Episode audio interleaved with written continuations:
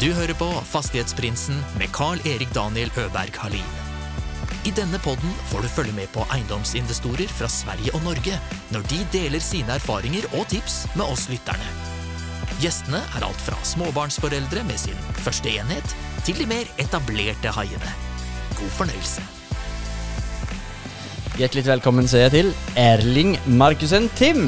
Tusen takk for det. Takk for at jeg fikk eh, komme hit enda en gang. På flotteste advokatfirmaet i Oslo. Tusen takk for at du er interessert. Alt som har med eiendom å gjøre, det her er en veldig viktig del i, i hovedsak de større eiendomstransaksjoner. Så er man jo nødt til å ha en eiendomsadvokat, en rådgiver. Ja, vi liker å tro at vi er uh, uunnværlige, uh, men det er klart at uh, med den erfaringen vi har fra transaksjoner, så er jo ønsket vårt at vi skal bidra til at partene skal få til det de ønsker å gjøre, på en litt bedre måte enn uten hjelp. Ja, Nei, men presis. Og du eh, har eh, Du sa presis innan vi starta her at du snart firer 20 år, eller hadde du firat 20 år som eh, advokat i Hoven? Kommende september, 20 år i Hovin. Ja, skal vi fire det? Uh, det har jeg ikke tenkt på. Nei, ja, Da har du et par måneder til å legge opp et bra uh, firing for det. Ja da, jeg tenker uh, vi kan få en si, topp bedring i markedet som en liten markering av den dagen. Ja.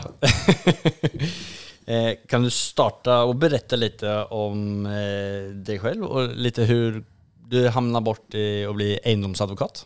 Det kan jeg gjøre. Uh, eh, altså jeg er eh, snart 53 år, har jobbet med eiendom nå i 24 totalt. Mm. Det at jeg ble advokat, var vel egentlig en tilfeldighet. Jeg kommer fra en familie med sjømenn og ingeniører. Uh, skulle selv bli ingeniør.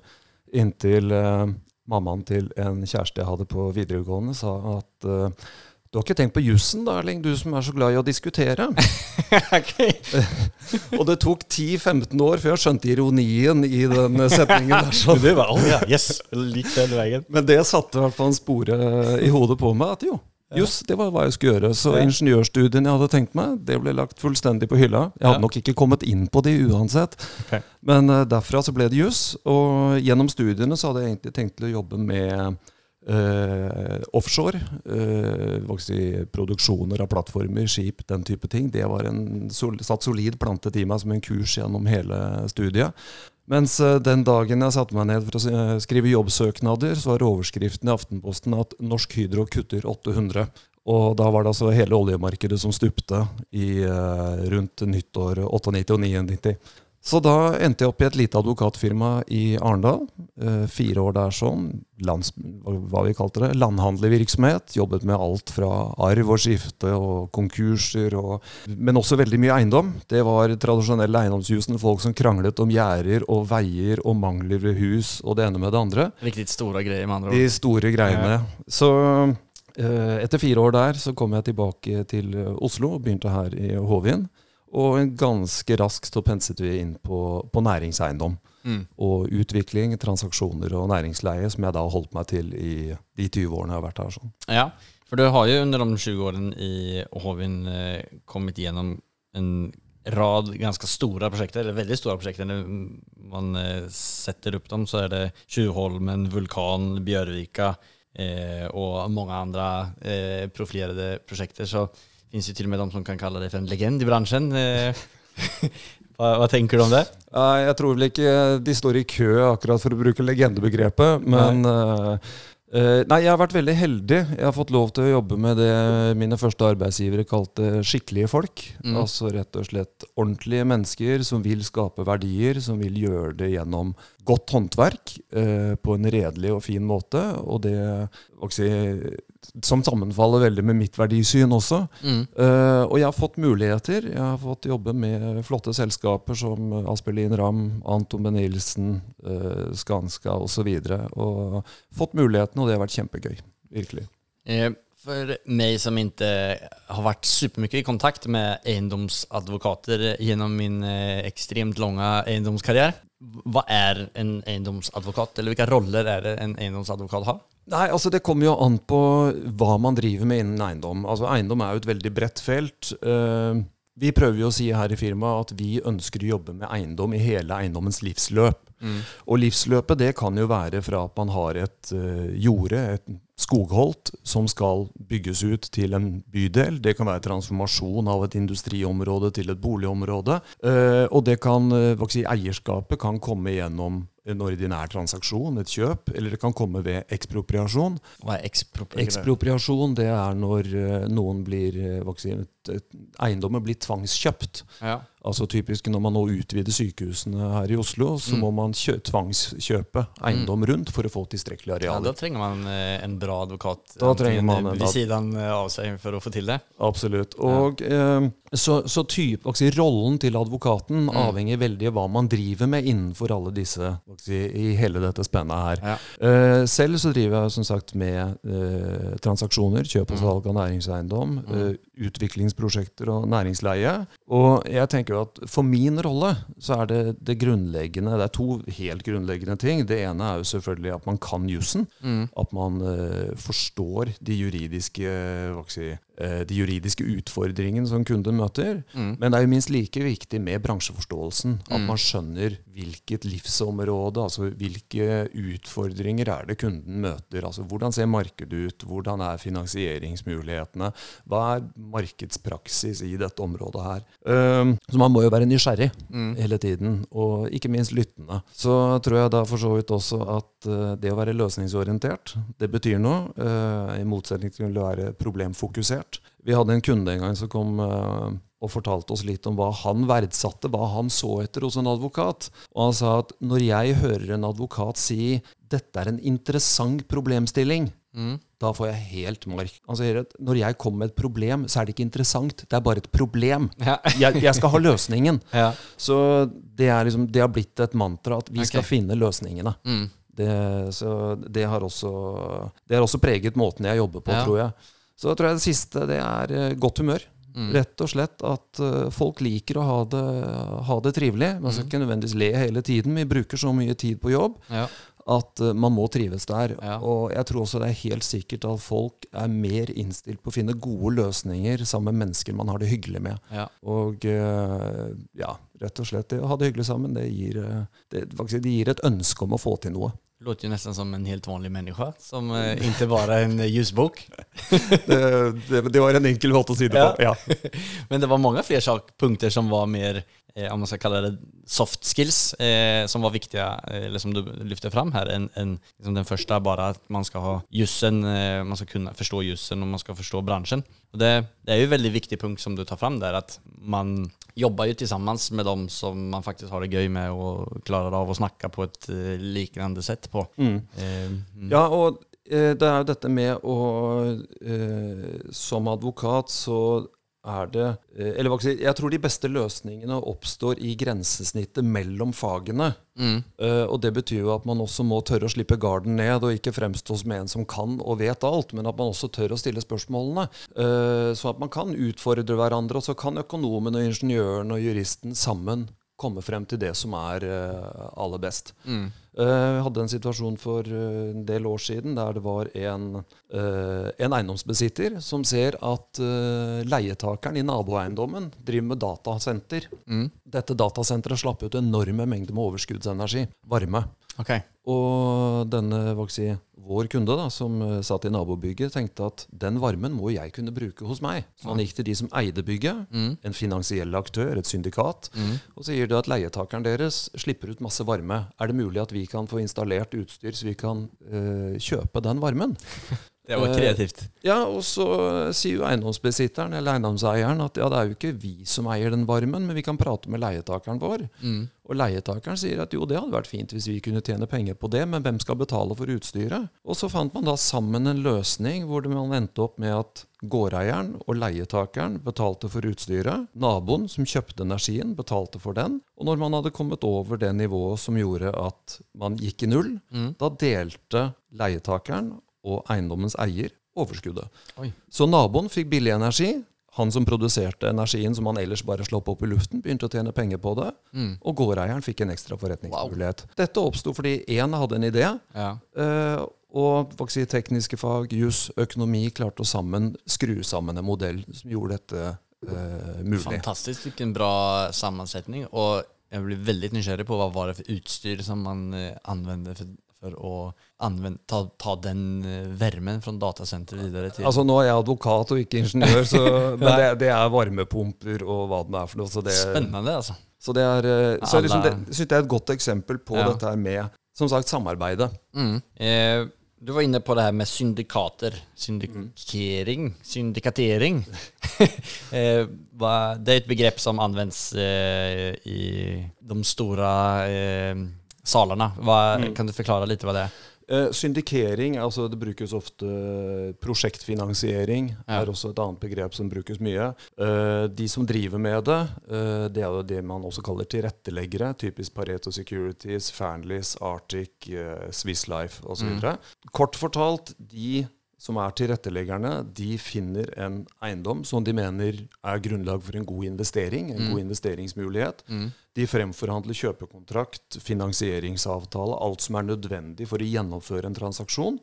Og så går de ut i markedet til investorer og samler inn egenkapital fra et investormarked for å gjennomføre den transaksjonen. Så man ser en mulighet og går til eieren eh, og har en plan på hvordan man skal kunne strukturere opp eh, det så, eh, og tjene penger på det. Og så går man og henter penger i markedet, eh, for det har man da et navn til å eh, gjøre som Pareto f.eks. At man, eh, alle som ønsker å investere, søker seg og ser mulighetene som de legger opp. Riktig. Og da kan den investoren være, eller de investorene, det kan være én investor som Ja. tar hele prosjektet fordi Ja. han har en særinteresse, han syns dette er en fantastisk eiendom, eller kanskje han eier naboeiendommen. Ja. det måtte være. Mm. Det kan være en begrenset gruppe investorer som har lyst til å gjøre noe sammen. Typisk det kan være noen si, to-tre eh, igjen det man gjerne kaller en club deal, som har lyst til å se på fremtidig utvikling av eiendommen. Eller det kan være en større gruppe, 20-30-40 investorer, som bare ser det som en ren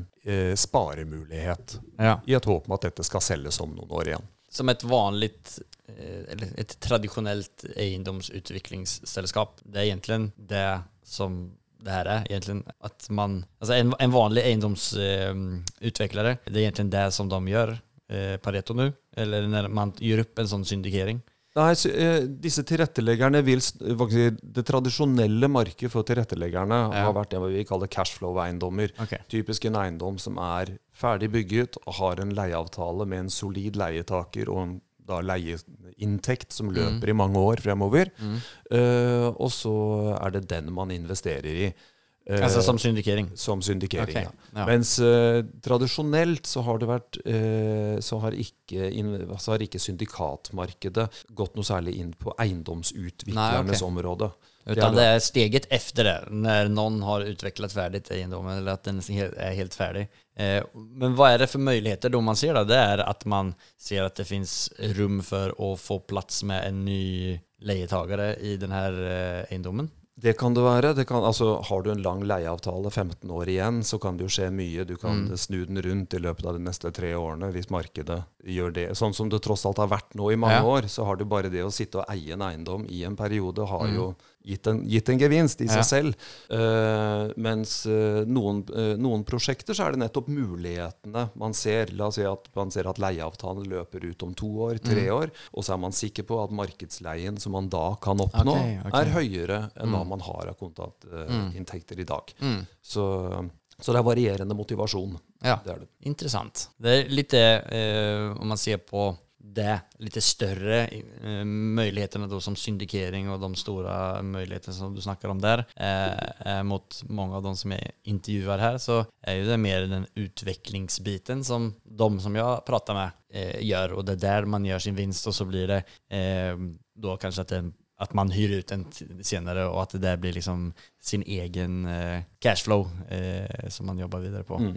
Og det er jo typisk en aktivitet som de mer etablerte eiendomsselskapene driver med. Altså Mm. de som har egen, egen setup med alt av eh, kompetanse nettopp for å gjennomføre den type utvikling. Mm. Men du som eh, har jobbet mye med transaksjoner og eh, som rådgivare, har du aldri blitt du har jo jobbet med det her i 25 år, 24 år, og eh, har du aldri blitt interessert av å gå videre og jobbe med eiendom eh, på en annen side? Du sitter jo med en kunnskap som er veldig unik. Ja, altså vi sitter jo sitter jo absolutt med mye kunnskap. men Samtidig så har jeg en veldig eh, respekt for at den kunnskapen vi har, den er komplementær mm. til den all, all, den andre kunnskapen man trenger for å gjennomføre et godt eiendomsprosjekt. Altså all den økonomiske kompetansen, all mm. den tekniske kompetansen, all markedskompetansen, og så har du juridisk kompetanse som mm. en liten komponent. Mm. Så jeg har alltid vært ganske ydmyk på at mm. jeg kan bare en del av det. Uh, så har vi jo selvfølgelig, særlig for si, tidlig i karrieren, ikke fordi det var tidlig, men det var en annen tid og et annet uh, si, andre regler ja. uh, som gjaldt den gang, så ble man jo ofte invitert til å være med på ting. Mm. Uh, og jeg er av de som aldri har takket ja til det. Nei, okay. Om det har vært bare fordi jeg er risikoavers, ja. eller om jeg har prøvd å skille jobb og fritid. Ja. Det, holdt å si, jobb og egen økonomi det er jeg ikke helt sikker på, men jeg har aldri, aldri vært med på det. Nei. Nei, men det er, eh, det er, det er veldig spennende det, at, man, at man er så ulike, altså, som du sier. Og hva er det som du sier med jussen og som advokatyrket som, gjør, eh, som, er motiverende for deg? Jeg syns jussen i seg selv er jo ikke så veldig spennende. Eh, det, er jo det, å, det er jo hva man kan bruke den til. Ja. Og det er det å hjelpe folk til å få til det de ønsker. Det å få mm. lov til å være del av kommersielle diskusjoner, og så klare å sette det inn i systemer som fungerer, samtidig som man også prøver å være proaktiv og si har dere tenkt på dette, mm. hva med dette, hvis dette skjer, hvordan skal vi løse det? Mm. Og Det blir jo gjerne sagt at lager du tilstrekkelig gode avtaler, så blir de aldri tatt frem. Mm. Altså rett og slett fordi da vil prosessen i seg selv være så god at mm. partene har etablert løsninger allerede ja. som de har i bakhodet. Ja så er nok det Man har liksom sjekket av alle eventualiteter og eh, potensielle fallgruver eh, og saker som man ikke har tenkt på, så at man har vært igjennom de diskusjonene. Ja, Og så er jo det helt sikkert en sannhet med modifikasjoner. Eh, mm. De fleste avtaler blir nok plukket frem en gang eller to. Mm. Men det er jo i hvert fall betegnende for en god prosess. Ja.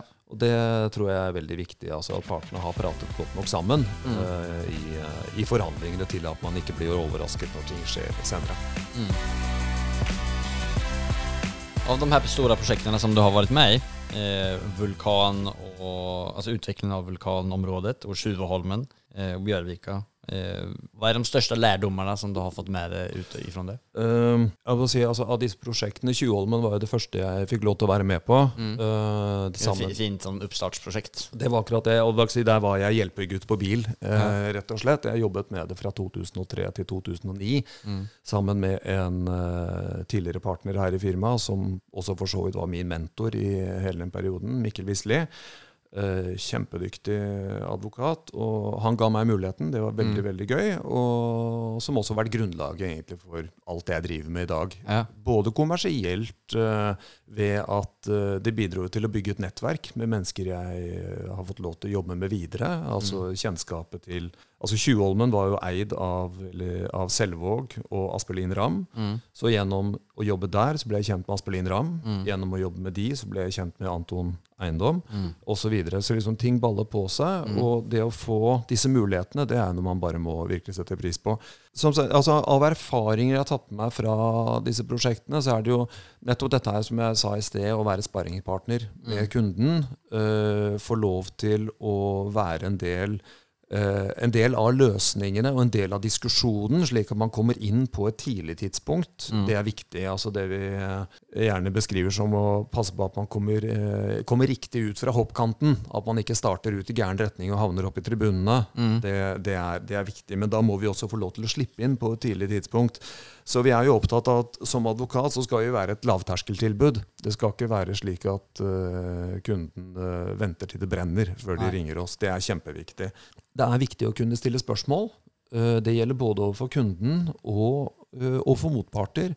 og da er det det å kunne stille spørsmål på en måte som gjør at den andre parten forstår hva du ønsker med informasjonen.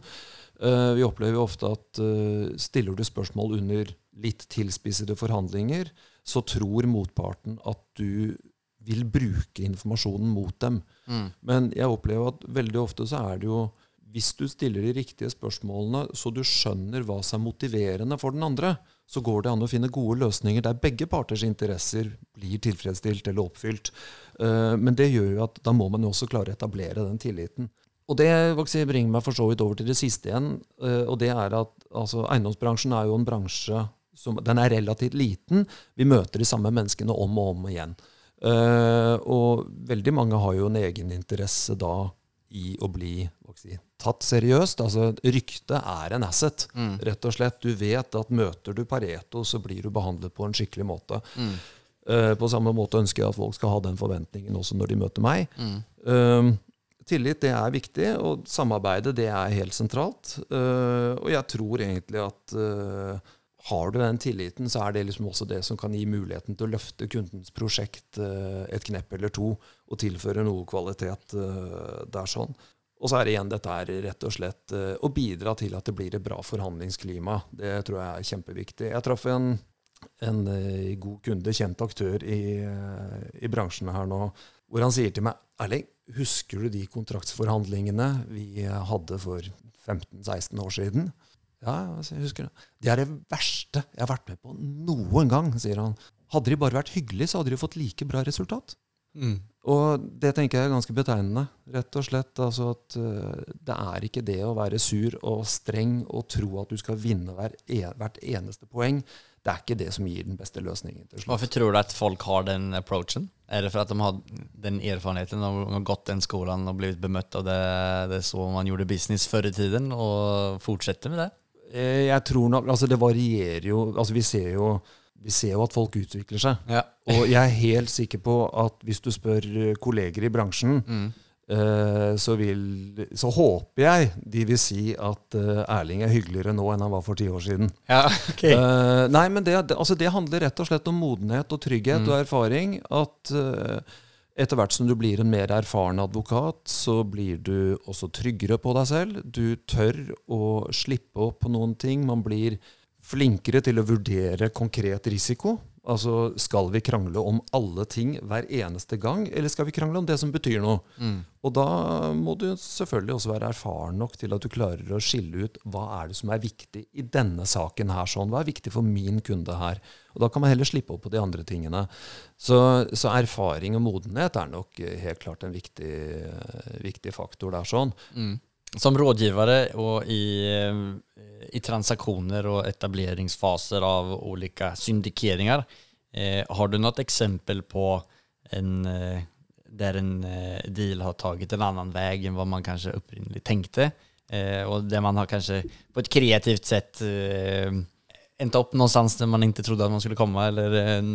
Ja, altså... Eh, sånn I forhold til hvordan forhandlingene utvikler seg, så har jeg jo vært med på situasjoner der, eh, der jeg selv eh, har sett at min tilstedeværelse er så mm. provoserende på den mm. andre parten ja. at jeg har sagt til kunden at vet dere hva, neste møte så blir ikke jeg med. Nei. Så kan vi heller prate sammen i forkant, og så mm. tror jeg dere får til en bedre løsning ja. uten at jeg er i rommet. Ja. Uh, og det er klart, det er en, uh, det er en selverkjennelse å gå, gå, til det, gå, til det, skrittet der sånn. Mm. Uh, men eh, nei, altså i syndikeringscasene så er jo gjerne Det er mer liksom eh, om, om eierstrukturer, mener jeg, og kanskje om eh, avtaler mellom eh, de ulike partene for å liksom komme fram til en løsning. Ja, altså, jeg opplever at i, i de fleste syndikeringscasene så er, så er eh, transaksjonen så vidt avgrenset i utgangspunktet at okay. uh, handlingsrommet er ikke så stort. Uh, men det er klart at uh, noen ganger så blir det jo slik at underveis i forhandlingene så syns man at dette her er en så bra motpart, og dette ser så bra ut at har du noe mer å selge? Mm. Og så kommer det en ny deal inn mm. si, direkte i, i, oppfølgingen av den første. Ja. så det er Ja, så rett og slett opptre på en skikkelig måte, så kan det bli mer av det. Ja, Men så er det vel med all business, egentlig. Og det er eh, interessant å høre at det stemmer even på denne nivåen. eh, om eh, vi eh, hopper over til eh, det her med juss. Altså, det er jo en stor bok om mm. Eh, med lover og regler som jeg vet ikke hvor ofte sånt oppdaterer seg, men det, det, finns, det, väl, det mesta er vel ganske statisk kan jeg tenke meg. Og så oppdateres det vel, nå var det veldig antagende og jeg fikk en osäker blikk tilbake. Men eh, eh vi fortsetter eh, innledningen av spørsmålet i alle fall. Så eh, hvor mye av den liksom, lovene og reglene er man nødt til å kunne utentil? Eh, og hvor ofte eller, Hvor djupt er det man kan allting? Og er det liksom, ja, det her er någonstans på sida 467, så jeg plockar opp det og leser det eh, en gang ibland? Nei, jeg opplever vel at uh, si, innen, innen, det segmentet jeg jobber med, mm. uh, som handler altså, stort sett om forholdet mellom profesjonelle, ja. så er det veldig høy grad av avtalefrihet. Ja. Uh, og det betyr at uh, si, hva partene avtaler, er det mm. som er avgjørende, uavhengig av hva som står i lovverket. Mm. Uh, selvfølgelig med alle sine begrensninger. Ja. Men, men altså, når vi snakker om fordeling av kommersiell risiko, mm. så er det noe partene styrer i sine egne avtaler. Mm. det er omkringliggende ting som er selvfølgelig veldig viktig. Vi har vært inne på dette med syndikater og tilretteleggere. Og der har det selvfølgelig mye endringer som har kommet de senere årene via altså om såkalte AIF-er og eh, altså, altså, begrensninger og føringer for finansiering. Okay. Eh, som jeg heldigvis har kolleger som kan ja. uh, veldig godt. Ja. Uh, AIF-er, hva er det? AIF det er såkalte alternative investeringsfond. Mm. Og eh, hvis et, eh, et, prosjekt anses som et alternativt investeringsfond, mm. så stiller det helt andre krav til administrasjon av prosjektet. Mm. Eh, så det betyr Altså, det er bare et eksempel da på ting vi må holde oss oppdatert på ja. hvor går grensen, når er man innenfor, når er man utenfor, slik at ikke vi bidrar til å selge et produkt som er eh, si, ikke satt opp i henhold til gjeldende regler. Mm. Uh, men det har jeg heldigvis da, som sagt, gode ja. kolleger som kan, eh, kan, mye om. Og det, det igjen er jo nå dette er samarbeidet som vi har internt i et stort advokatfirma. Mm fordelen ved at man ikke trenger å kunne alt selv, men si, du skal kunne kjenne det igjen, mm. uh, og varsellampene skal ja. begynne å blinke, og da vet du når du skal ringe en venn. Mm. Uh, så da ringer jeg HC i bankavdelingen vår, eller hvem det er, så får ja. jeg den eh, inputen vi trenger uh, der. sånn. Eh, liksom I en stor transaksjon, eh, når man ja, hvilket eksempel man skal kjøpe. Om man skal kjøpe det her fine hvite bygget her borte som heter mm. Uh, Det er uh, Dronning Mauds gate. Uh, ja. Jeg husker ikke hva det heter, men det er i hvert fall Oslos fineste bygg, i min mening. Så det burde jeg kanskje kunne. Men, men om det skal selges, da. Mm. Ideelt så kommer du, om du er selgerens eh, rådgivere, när kommer du in på banan och hur många av, eh, hur många av er är med i en ja. sån eh, transaktion? Nej, säg att den här kostar, jag menar att den var till salu för ett år sedan och den var ute för 3 miljarder. Mm. Uh, nei, vi kommer fortrinnsvis inn på uh, det tidspunktet når uh, si, Selgeren har bestemt seg for å selge. Mm. Han har engasjert megler. Eh, og så skal man begynne å ta en beslutning på hvordan skal salgsprosessen tilrettelegges. Mm. Hvordan skal informasjonen tilrettelegges. Eh, og det vi ser, er jo at salgsprosesser der kjøperne får tilgang på og, ø, komplett informasjon før de legger inn det første budet sitt, mm. det er jo de som går Eh, aller smidigst. Mm. Uh, så det å få lov til å være med da fra tidlig tidspunkt, finne frem og tilrettelegge informasjonen, finne format og presentere denne informasjonen på Og uh, si, nå er det meglerne som er spesialistene på salg, selvfølgelig, men at vi også sammen med de får være en del av tilretteleggingen av uh, salgsprosessen og styringen der, det er, si, det er det ideelle. Eh, det aller viktigste det er jo at vi får lov til å være med når man begynner å forhandle budaksepten, altså termsheet, de mm. grunnleggende vilkårene for transaksjonen. Men som selgere, da, hva, hvor mye involvert er man i, i saker og ting da? Det, kan, det skiller seg sikkert så klart hvilken kompetanse man selv har som selgere, mm. men eh, ja. Nei, altså, jeg tenker at det er Når man kommer opp på den nivåen, sitter man bare med, med du har rådgivere ett og to og tre og fire, og mm. jeg, jeg, jeg, ønsker å oppnå det her målet. Help me. Ja, og det er, det, er, eh, det, det er, et veldig viktig spørsmål, fordi noen, noen, selgere er jo der at dette gjør de én gang. Mm. De har en familieeiendom, mm. eller det er et selskap som, har, som selger den gamle produksjonseiendommen sin. Mm på en sale leaseback eller hva det måtte være. Uh, og det er rådgivere som kommer inn og sier at dette kan vi uh, selge for uh, x antall kroner. og så lener selgeren seg tilbake og sier at ok, nå har jeg engasjert rådgivere, nå, nå er det de som eier transaksjonen. Mm. det er en farlig uh, utvikling. Altså, jeg, jeg, er veldig opptatt av at det er kjøper og selger som er parter i transaksjonen. Det er mm. de som eier transaksjonen, og det er de som har den økonomiske interessen i det. Mm. Det er selgeren som kjenner eiendommen, mm. og som må ta ansvar for at informasjonen som gis, er riktig. Og det er også selgeren som til syvende og sist må lese gjennom kontrakten mm. og se at denne kontrakten er faktisk den jeg ønsker å inngå. Mm. Fordi vi kan eh, sette opp en kontrakt som vi mener er markedsmessig og riktig og balansert og det hele, men hvis det ikke er det selgeren ønsker, ja så, så, hjelper det ikke. Nei, og det er den kommunikasjonen mellom eh, altså alle ulike kjøp og salg av tjenester eller eh, produkter også. Så eh, jeg kan jo si en sak til deg, og jeg, klarer, jeg, er dårlig på å uttrykke meg, og du tolker det jeg sier på et visst sett. Og er 100% sikker at du sitter og skriver opp det som eh, jeg sa til deg. Men som du sier, når du legger fram kontraktet, så er det langt ifra det jeg ønskade å formidle, men det kan jo være for at jeg formidler en sak på et dårlig sett. Så det er en veldig viktig punkt det du sa der, at, eh, at det faktisk er kjøp, selgeren som er den som styr hele prosessen hele tiden. Eh, og man henter råd eh, og trust but verify, som man så fint kan si. Det er akkurat det. Og eh, som du sier, disse misforståelsene altså Dette varierer jo ekstremt. Vi har jo selgere som er så erfarne, eller kunder mm. som er så erfarne at de leser gjennom kontrakten, og de har merknader her og der, og de kan være spissfindige juridiske ja. ting som de har erfaring fra ja. andre steder. Uh, og noen ganger Kanskje de har en rådgiver som sjekker opp rådgiveren? Det hadde vært noe. Ja. Kjøre, kjøre DD på rådgiveren. uh, men, uh, men, og noen ganger så er vi nødt til å sette oss ned med kunden og gå igjennom hele kontrakten avsnitt for avsnitt og forklare det som står her, er sånn, konsekvensen av dette er sånn osv. Plutselig, altså fordi disse I Norge så er vi så heldige at vi har et veldig omfattende sett med standardavtaler. Som altså standardavtale for eh, leie, standardavtale for kjøp og salg av næringseiendom. Uh, og de avtalene er i veldig høy grad akseptert som basis for alle. Kontraktsinngåelser. Og så mm. gjør man stort sett alltid noe endringer i de, men i en budaksept så står det gjerne at kjøpekontraktene skal inngås på markedsmessige vilkår, basert på sist oppdaterte meglerstandard for salg av AS eller DA, eller hva det nå er for noe. Og vi som gjør dette her hele tiden, vi vet jo hva som ligger i den kontrakten. Men en som ikke gjør det så ofte, sier bare at ok, er de markedsmessige? da er det sikkert fint.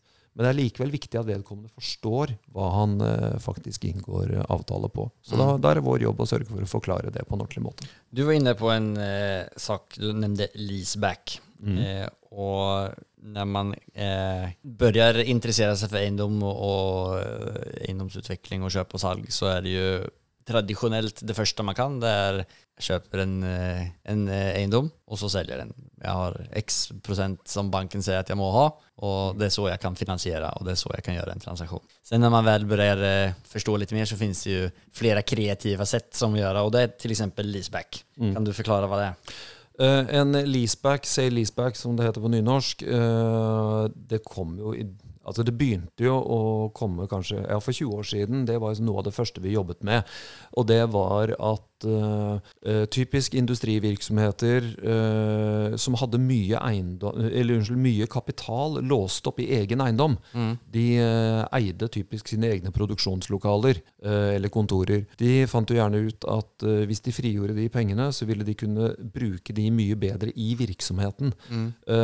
men lokalene trengte de. Så det som man gjorde da, det var at man solgte lokalene, bygget, til en investor eller til en eh, bank, for den saks skyld. Eh, samtidig som man inngikk en leieavtale om å leie de tilbake igjen i en periode 10-15-20 år. Hvem vet. Så det der er sånn perfekt eh, syndikat? Eh, Pareto sitter og vinker opp her? Eh, Absolutt. Det er, en, eh, det er, en, fin sak. Har du ja. en helt nybygget eiendom skreddersydd for en leietaker, mm. eh, eller skreddersydd for selgeren selv, mm. da har du altså en selger som skal være leietaker, som kjenner bygget inn og ut. Mm. Uh, og som da faktisk kan sitte med risikoen. Uh, mm. For det man helst vil ha da i en slik sale leaseback, det er jo det aller beste, det er om du også får da en såkalt Bearhouse leieavtale. Altså Oi. en avtale der leietakeren tar ansvar for alt i hele leietiden. Da, da har du et fint prosjekt. Bearhouse. Ja. När man tar ansvar för allt, eh, det betyder att man tar ansvar för att eh, strøm og hvis eh, strømanlegget skulle gå i stykker, så Ja, altså i, i leieavtalene så har du jo gjerne en si, Du har en nøye regulering av drifts- og vedlikeholdsansvaret og utskiftningsansvaret. Og i de vanlige leieavtalene, altså de du ser mest rundt omkring på kontorer og annet, så er det da er det leietakeren som har ansvar for innvendig vedlikehold. Utleieren har ansvar for utvendig vedlikehold og alt av utskiftninger. Mens i en Bairdals-avtale så har leietakeren ansvar både for vedlikehold og utskiftninger i hele leietiden. Hvorfor skulle en leietaker gå med på det? Eh, nei, altså det vil jo være reflektert i leienivået. Ja, okay. Eh, så da vil jo leien Man har være noe potensielt større risk hvis noen ting går ut. eh, Ja. Og typisk også hvis dette her er f.eks. et eh, industrilokale, så er det best at leietakeren er den som beveger seg rundt i lokalene fortløpende for å ta vare på det. Mm. Uh, Så du ikke skal ha en gårdeier som går rundt og sender inn egne arbeidere som går i veien for eh, produksjon. Eh, Leaseback det er jo et, et alternativ av en transaksjonstyp. Eh, Fins det noen flere sånne coola navn eh, på, på dealer som in, ikke bare er en eh, vanlig kjøp og salg? Ja, altså Hvis vi skal begynne å briljere med disse her Ja. uttrykkene, så er det jo forward-transaksjoner. Ok. er også noe vi har hatt uh, jeg har sett mye av. Uh, kom vel egentlig midten av eh, ja, 2005-2006 begynte det å bli eh, mer utbredt. Eh, og poenget med disse transaksjonene er at man selger eiendommen før den er ferdig oppført, altså et nybygg. Eh, som blir, eh, så inngår man kjøpekontrakt uh, før det er bygget, eller mens det er under bygging. Og Da kan man gjøre to varianter. Det ene er at uh, kjøperen overtar eiendommen, eller selskapet som eier eiendommen, først når eiendommen står ferdig og leietakerne er flyttet inn.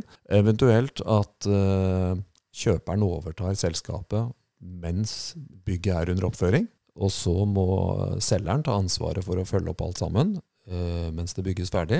Og selgeren må ta ansvaret for alt av kostnader underveis. Men det har gitt noen ganske komplekse eh, kontrakter. Men det gir også muligheten for å plassere kapitalen før bygget står ferdig oppført, slik Mm. at uh, kjøpersiden får avkastning på kapitalen sin allerede uh, ved, ved kontraktsinngåelse. Hvorfor mener du at de får eh, ja, ja, hvis, eh, hvis leietageren er innflyttet?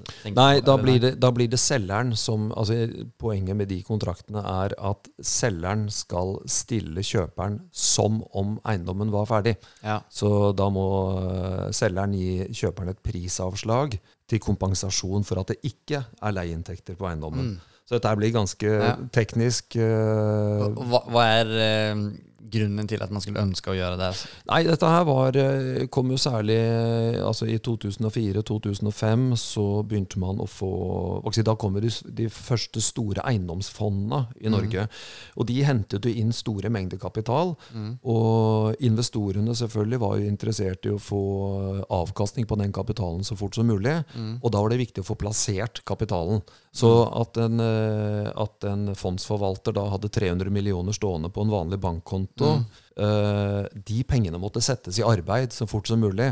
Og når det da står en og sier at du har en eh, fondsforvalter som har et stort beløp stående på konto fra sine investorer, investorene har en forventning om at de pengene skal komme i arbeid så fort som overhodet mulig. Og hvis du da har en eiendomsutvikler som sier at jeg har et bygg som er ferdig om to år, uh, det kan du kjøpe av meg, ja, da, da kommer jo ikke disse pengene i arbeid før om to år, når leietakeren flytter inn. Men uh, hvis investoren kjøper selskapet i dag og får et prisavslag som Mm, okay. kompenserer, Ja. så blir pengene satt i arbeid. Og utbyggere får tilbake pengene og kan starte opp noen nye prosjekter fortere også. Nettopp. Utbygger får finansiering på prosjektet sitt. Liksom om to år så hadde det vært verdt eh, en miljard, og så nå får han eh, kjøpt det for 700 millioner i stedet. Noe der omkring. Ja. Så, Ikke sant? Så- så det var, eh, Spennende. Det var forward transactions. Har du noe mer sånn eh, coolt ord innan vi går videre? nei, jeg skal ikke finne på noe bedre. Men bra, vi, vi eh, springer videre til eh, vårt neste segment som heter, ikke Affærsanalysen, men det heter Fyra frågor. Ok. Det er de samme fyra frågorna som vi stiller vår gäst.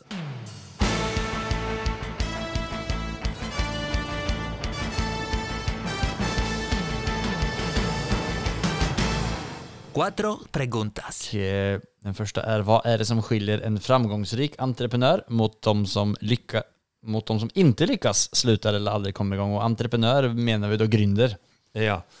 ja, det å spørre en advokat om det, altså som Ja. er risikoavers av legning uh, Nei, jeg tror vel akkurat det at man man, kan, altså, man må jo være risikovillig, Ja. rett og slett. Altså, de som har lykkes, de har jo turt å ta risiko. Og så må du ikke være dum dristig, så det må jo være en passende balanse der. Du må være litt tøffere enn de andre, men uh, du må jo ikke legge for store begrensninger på deg selv. Eh, jeg tror det er ekstremt viktig å ha troverdighet, selvfølgelig. Uh, eller, altså, du må jo få andre til å tro på forretningsideen din. Eh, du må få folk til å kjøpe den, du må få folk til å investere i den. Eh, troverdighet og eh, risikovilje tror jeg kan være helt avgjørende. Er alle advokater eh, risikoavers? Eh, eh, det skal, jeg skal ikke uttale meg generelt på det grunnlaget, men jeg tror, vel, jeg tror nok det er noe vi læres opp til å bli. Ja. Vi læres opp til liksom dette The devil is in the details. Vi kan, vi kan gjerne sitte og diskutere hvor komma skal stå, fremfor hvordan eh, budskapet i setningen er. Ja. Uh, og vi er, vår oppgave er jo å fortelle kunden hvor det kan gå galt.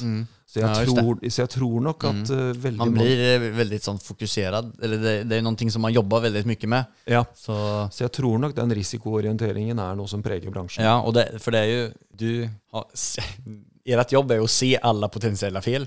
Ja. Mens en gründer er jo egentlig bare Ja, det her er en bra idé. Ja, dette går jo bra! ja, jo, jeg ser det. Da forstår jeg hva du mener. Så, eh, det her er jo også en uh, interessant uh, spørsmål som kanskje ikke er helt eiendomsadvokatsrettet, men vi kjører på.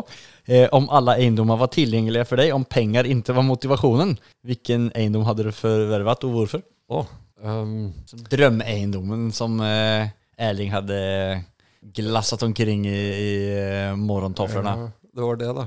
Uh, altså, du pekte jo på en uh, hvit eiendom bak her. Ja. Uh, hvis penger ikke var tema, Ja, så er Victoria terrasse Ja, det en det. helt fantastisk Ja. eiendom. ja. Absolutt. Det hadde man kunne ta bra partyn, tror jeg. Ja da, det tror jeg kunne fylt veldig mye bra inn der, Ja. rett og slett. Lite kontorfellesskap med biljardbord og litt sånne ting. En av de der kupolene kunne ha haft en bra liten eh, bar, eh, biljardbaren. Nettopp. Eh, har du noe bra boktips for en som er interessert i eiendomsinvesteringer, eller relevant eh, kanskje? mm, Nei. Nei. Enkelt og greit. Ja. Og det siste spørsmålet her er Nevn det mest storartede, morsomme eller minnesverdige settet som du har fyret en gjennomført affære eller seger på. Det er vel kanskje et av eh, En seger kan vel være gjennomført eh, deal sammen med en eh, part. Ja, Der skulle jeg gjerne ha kommet med noe ordentlig morsomt nå. Men det har jeg ikke lov til, det har jeg skrevet kontrakt på. Ja, nettopp. Det er, da må jeg skyte deg. Nei, det var eh, Altså, det har eh, Dette er faktisk med closing, de- closing-middag osv. var noe som var for så vidt veldig mye mer vanlig tidligere. Eh, etter hvert så har transaksjonsvolumet gått opp såpass at eh, jeg tror folk er lei av det. Ja, ok. Så det, det er ikke så mye markeringer lenger. Men uh, MIPIM, eiendomskonferansen i Cannes, har jo en del eh, markeringer som har utartet seg. Hva heter den? MIPIM. Det er, eh, det er eh, Europas største eiendomskonferanse I Frankrike. i Frankrike, i Cannes. På Croisette. Riktig. Og den er større enn filmkonf- eh, filmfestivalen. Ja. Så det er det største arrangementet i Cannes i løpet av et år. Og der samles det, samles det 25 000 eh, eiendomsmennesker fra hele Europa Ja. i mars hvert år. Det låter som en bra fest. Der eh, finner du det meste. Ja. Nei, men, eh, bra, takk så mye for eh, de spørsmålene som var veldig eh, rettet inn mot deg. Og den vanlige, tradisjonelle avslutningen i denne podden eh, hopper vi også over. Men eh, det er litt som hva eh, hu, hu, I stedet for å spørre hvilke deals som du er på jakt etter framover, her, er det, hva er det for altså, Hvordan ligger din dealflow? Eller hur, har, har man som eh, 20-24 år eh, i bransjen en eh, pipe av business eh, opp til man går i pensjon, liksom? Eller eh, hur fungerer det? Nei, altså Vi er jo markedsdrevet som alle andre. Ja. Uh, vi er selvfølgelig konkurranseutsatt. Vi har masse kjempeflinke kolleger i mm. de andre advokatfirmaene, så vi konkurrerer mot hver eneste dag. Mm. Uh, men vi er, jo, vi er, jo, avhengig av markedet. Mm. Og det er jo ikke noen hemmelighet at uh, med det rentemarkedet, mm. pengemarkedet, som har vært nå siste tiden, og som vi må forvente varer en god stund til, mm så er det veldig lavt volum på eh, cashflow-eiendom, næringseiendom. Mm, altså selve transaksjonen Ja, det omsettes ikke. Det er, eh, og eh, vi, vi, tror vel at det kommer til å tvinge seg frem noen mm. transaksjoner etter hvert. Altså mm. folk som må ut og refinansiere, og i den mm. sammenheng trenger mer egenkapital. Mm. Uh, vi tror, tror, vel også at det kommer til å gå litt stille for seg. Mm. Altså at Det er ikke ting som kommer til å bli annonsert eller publisert i noen særlig utstrekning. Mm. Det er ingen som har interesse av å fortelle at vi har dårlig råd. Nei. Og det er ingen banker som har interesse i å hause opp at uh, låntakerne deres trenger mer penger. Så man ønsker å gå under radaren og ha hjelp av uh, Erling i Hovin. Hvordan kommer man i best kontakt med det? Da er det bare å slå meg opp, så finner dere meg. Ja. Nå googler vi og legger en link til eh, kontaktinfo i beskrivelsen her. Ja.